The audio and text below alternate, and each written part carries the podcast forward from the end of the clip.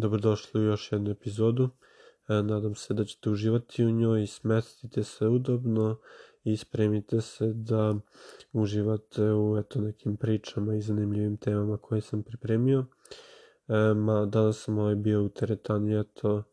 tamo predveče, onako posle posle i posle svih obaveza. E, ponedeljak je i bila je gužva. E,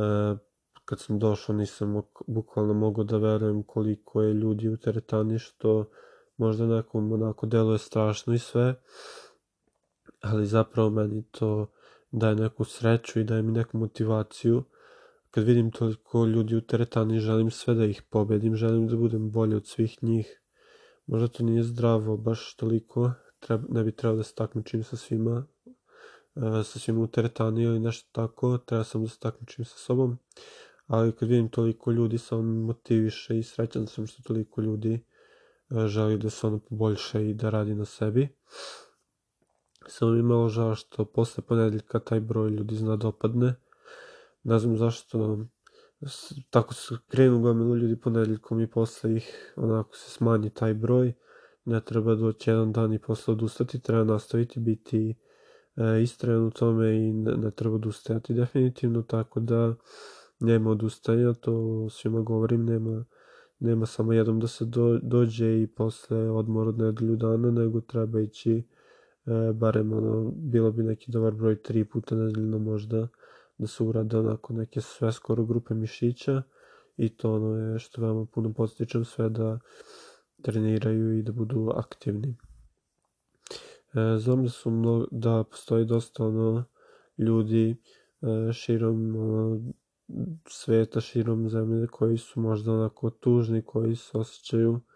kao da nisu dovoljni, kao da ne znam, da ne osjećaju se ispunjeno. To je sad vidim kao dosta velik problem, to što ljudi jednostavno se osjećaju ispunjeno. E, fali nam taj neki, ta neka ispunjenost što nas čini ljudima i što nas čini zadovoljnim našim životima. E, trebamo pronaći tu neku strast u životu, trebamo se zaljubiti u nešto, trebamo se zaljubiti u život i pronaći to nešto što nas ispunjava i što nas čini onako celim. E, znao sam se ja tako sa vremena na vreme osjećati onako kao poluprazno i to je tako neki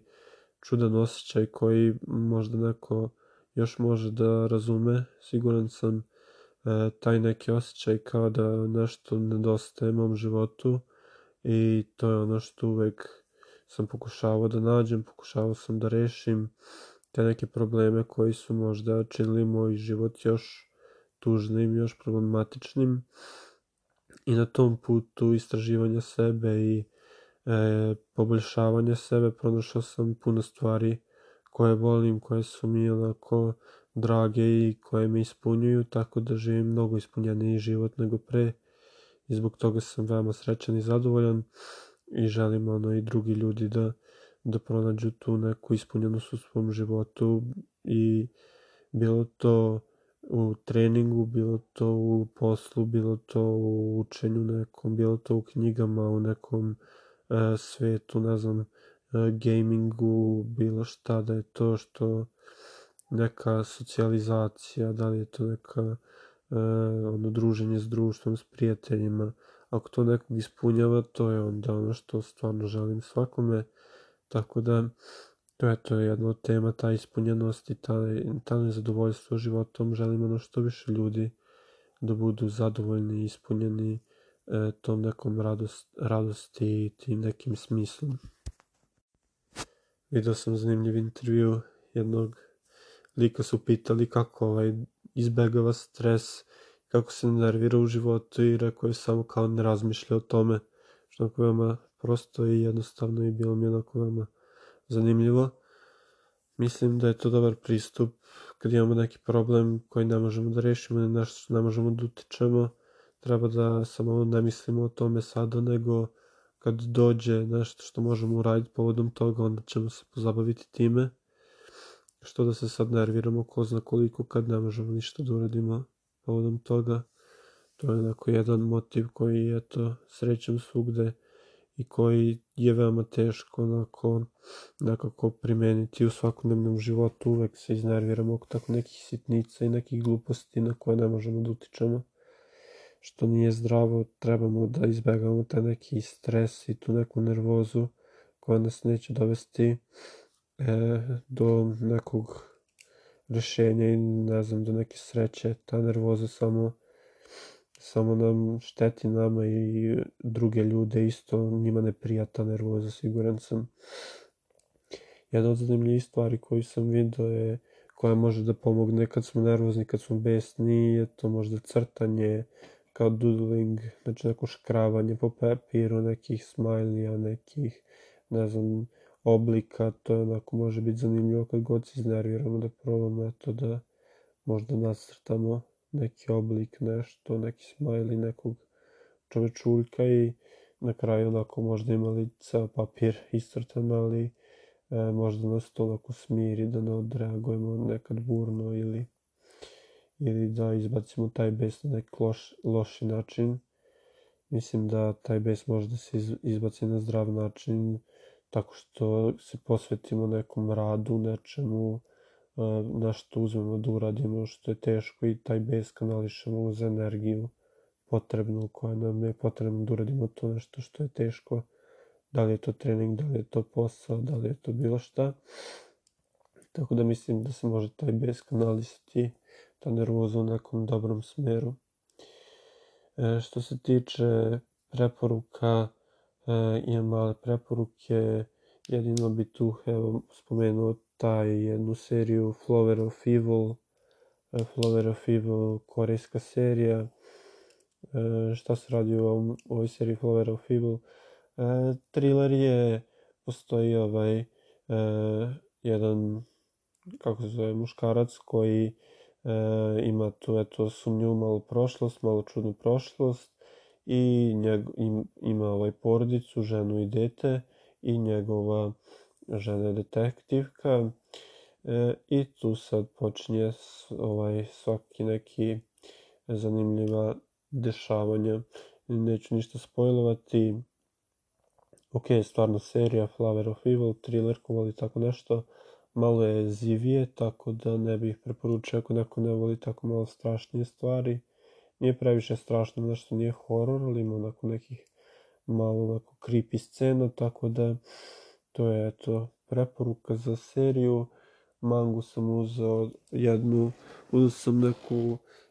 zlo, zlu krv mangu što sam našao na srpskom jeziku i uzeo sam 20th Century Boys od Nokia Urasave Naoki Urasawa je stvarno ono, izuzetno dobar mangaka, tako da od njega kad nađem neku mangu uzmem i istražujem. E, mislim da će ova 20th Century Boys što sam uzeo sad biti stvarno zanimljiva. Čuo sam veoma visoke ovaj pohvale, veoma se ceni ta njegova manga i mislim da će mi se dopasti za sad što sam video, tako da eto, ako nekog još interesuje, nek pogleda 20th Century Boys od Nokia Urasave. Sledeće o čemu bi pričao i što me jako nervira i čemu ću posvetiti malo više vremena u epizodi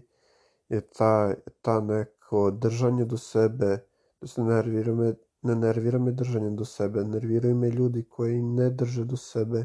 koji su beskičmenjaci, koji podležu pod pritisak, koji se ulizuju, koji, ne znam, koji jednostavno nemaju svoje ja. To me jako frustrira i pokušavam da ih nekako razumem i pokušavam naravno da im pomognem uvek i sve, ali jako me nervira kad neko misli da će tim nekim prečicama uspeti da postigne više nego neko ko svaki dan ulaže truda koji ide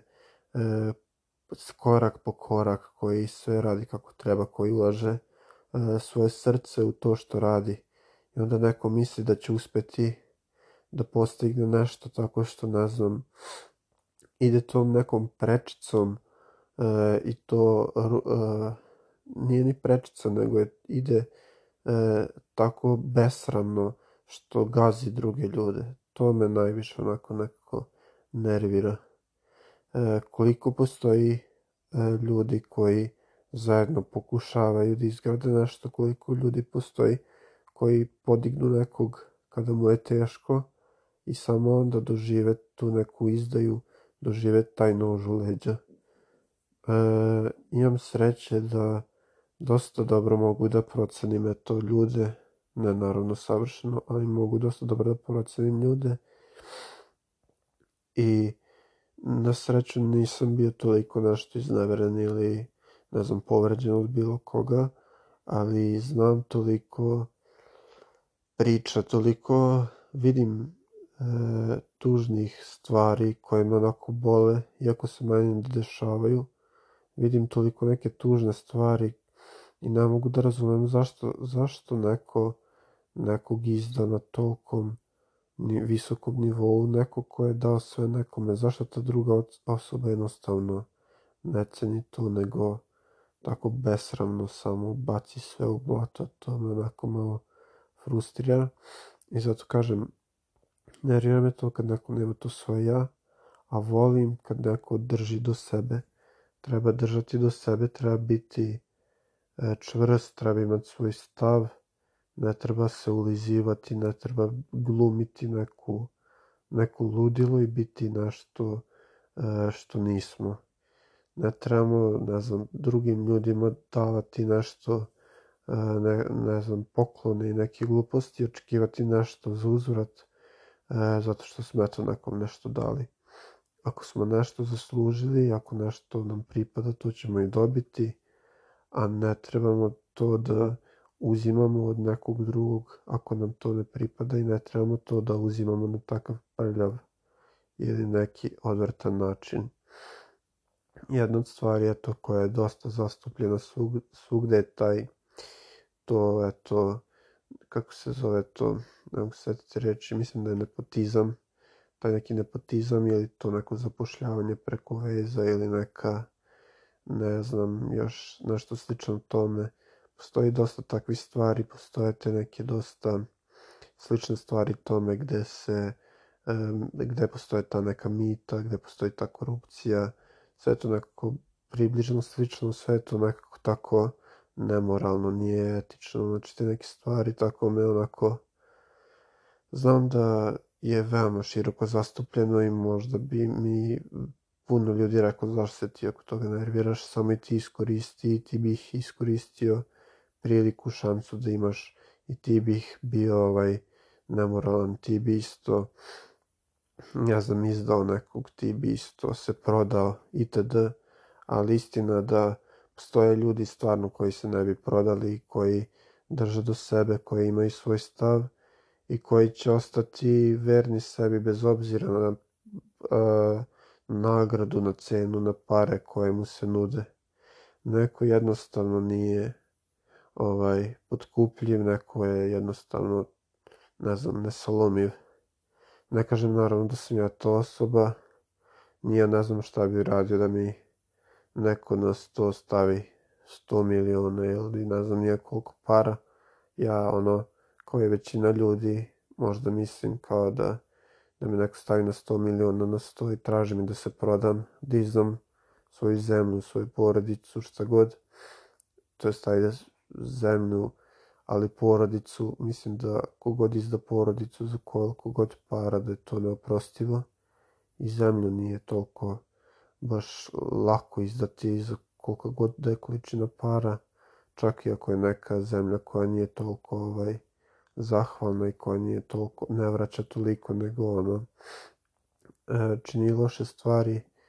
ipak je neka naša zemlja, ipak je tu naš narod, ali što se tiče porodice, mislim da, da ko izda porodicu za koliko god je para, to je onako baš nekako, baš onako nekako boli, ne mogu da zamislim to. Naravno, eto, ne znam šta je bilo da dobijem 100 miliona i da izdam nekog ko, ko mi ne znači toliko neku random osobu da povredim. Opet to je drugačije, to su neki ti scenariji, ali ja se nadam da bi postupio ispravno kao što Mislim da većina ljudi se nada da bi oni postupili ispravno jednostavno nikad ne znamo u kakvu situaciju možemo dospeti, ali u tim nekim teškim situacijama mislim da trebamo da se potrudimo da ostanemo verni sebi i da, da ne uradimo te neke loše stvari, da ne pređemo preko tih granica moralnih koji znamo, koje smo sebi postavili. Tako da eto, to je eto nešto što sam malo hteo eto, da pričam o tome. Nadam se eto da da nije ovaj previše idealistički, da nije previše onako nekako naivno od mene da verujem da možemo biti nekako pravedni i pravični i držati se ti nekih osnovnih moralnih etičkih načela. Mislim da je stvarno da bi stvarno trebali da funkcionišemo po nekom sistemu pravilima, ali dosta ljudi više ne, ne mari za to, nego gazi sva pravila, ide preko svega i nema tu neku savest, nema tu neku svest da to ima neke veoma duboke posledice. Tako da eto, je, ne znam koje bi bilo idealno rešenje osim toga da svako pojedinačno drži do sebe i da e, se trudi da ne, da ne greši, to jest da, ne, da, da se ne proda, da ne izda nekoga zbog nekih para, zbog nekih e, jeftinih stvari, materijalnih stvari. Ne smemo da povređujemo ljude, da izdamo ljude zbog neke te koristi koja nije ovaj, koja nije toliko bitna kao što su bitni ti neki ljudi do kojih nam je stalo. Tako da mislim da i to što izdamo ljude, izdali smo sebe pre svega, jer prešli smo pred nekih svojih uverenja, preko nekih svojih tih stavova, pokvarili smo taj neki svoj kompas, prešli smo, pre, prekršili smo te neke svoje moralne načela koje bi svako trebao da ima, e, svako od nas postavi sebi ta neka moralna načela, šta želi, šta, šta misli da je dobro, šta misli da je loše i onda postupa po tome i kad jednom pređe tu granicu, veoma je teško posao i imati taj neki kompas šta je dobro, šta je loše i sve više to ne. Uglavnom se vidi čim neko krene jednom ono da pređe tu liniju, da potkrada, da mi to prima korupcija i tada to je toliko prisutno svugde i čim se jednom uđe u to jako je teško izaći iz toga i nadam se da ovo nije previše depresivna tema. Naravno da ima neverovatnih ljudi koji su, eto, opet kažem, nesalomevi, koji su nepotkupljivi i stvarno im ono aplaudiram i ti ljudi onako i meni daju snagu često kad onako imam te neke negativne misli kad vidim toliko uh, strašnih stvari koje se dešavaju, toliko puno korupcije, kad vidim ti neki ljudi kao neka sjajna zvezda onako stvarno vode put i to mi onako veoma sam zahvalan tim ljudima i nadam se da, da će uspeti i da će istrati u svojoj borbi jer taj put uopšte nije težak. E, taj put gde e, ne odustajem od svojih stavova, od svojih uverenja je veoma težak i, i uvek je taj, taj ispravan put zapravo taj neki teži put i ne, ne odluči se svako naravno da krene u taj teži put, neko prokrene lakšim putem, tom linijom lakšeg otpora, ali ne shvata da, da je taj teži put zapravo taj ispravan put i da će na kraju tog težeg puta nagrada biti veća i bolja. Tako da to je to što sam teo da pričam u ovoj epizodi. E, sledeća epizoda mislim da će biti neka anime manga epizoda, pretpostavljam manga top lista To mi je jedna od ideja. Eto, ako se nekome sviđa ovo, nek slobodno oceni da nek slobodno zaprati. I postoji Instagram stranica koja baš nije previše aktivna, ali slobodno može i tamo da zaprati ako je neko zainteresovan. E, slobodno nek ostavi tamo neku poruku ako ima neku želju, ideju, bilo šta. E, odgovorit ću na to naravno. Ako ima neko pitanje itd. Eto, još jednom želim da se zahvalim svima na slušanju. Izvinjavam se ako je epizoda malo kratka, iako nije toliko energije, e, puno energije. Uložio sam dosta truda, mislim da je ok, ali eto, e, sljedeće epizode ću se truditi još više i e, da ispunim eto neka sta, te neke standarde koje pokušavam. Tako da hvala još jednom svima koji slušaju i koji prate ovu emisiju koja se već traje dosta dugo. Pokušat ću eto uskoro da napravim neki specijal, možda opet neki gost itd. Imam dosta eto želje i volje da snimam ovo, jer sam, kao što sam već puno puta spomenuo, veoma introvertna osoba koja je teško da razgovara, koja je teško da priča i ovime pokušavam sebe da izazovem i da pobedim te svoje nesigurnosti i podstičem i druge ljude također da pobeđuju i želim da svakome eto dam neku inspiraciju, ideje i želim meni naravno ljudi drugi da daju te neke ideje, inspiracije i komentare šta mogu da poboljšam, šta mogu da radim drugačije, šta, šta je to što e, ne radim dobro i tako dalje i mislim da bi to i svako treba da radi. Svakoj epizodi se pet puta zahvaljujem na slušanju i onda nastavim da pričam. Ali eto, to je još jedna od čari ove, ove emisije. Tako da čujemo se u sljedećoj epizodi. Hvala svima na slušanju.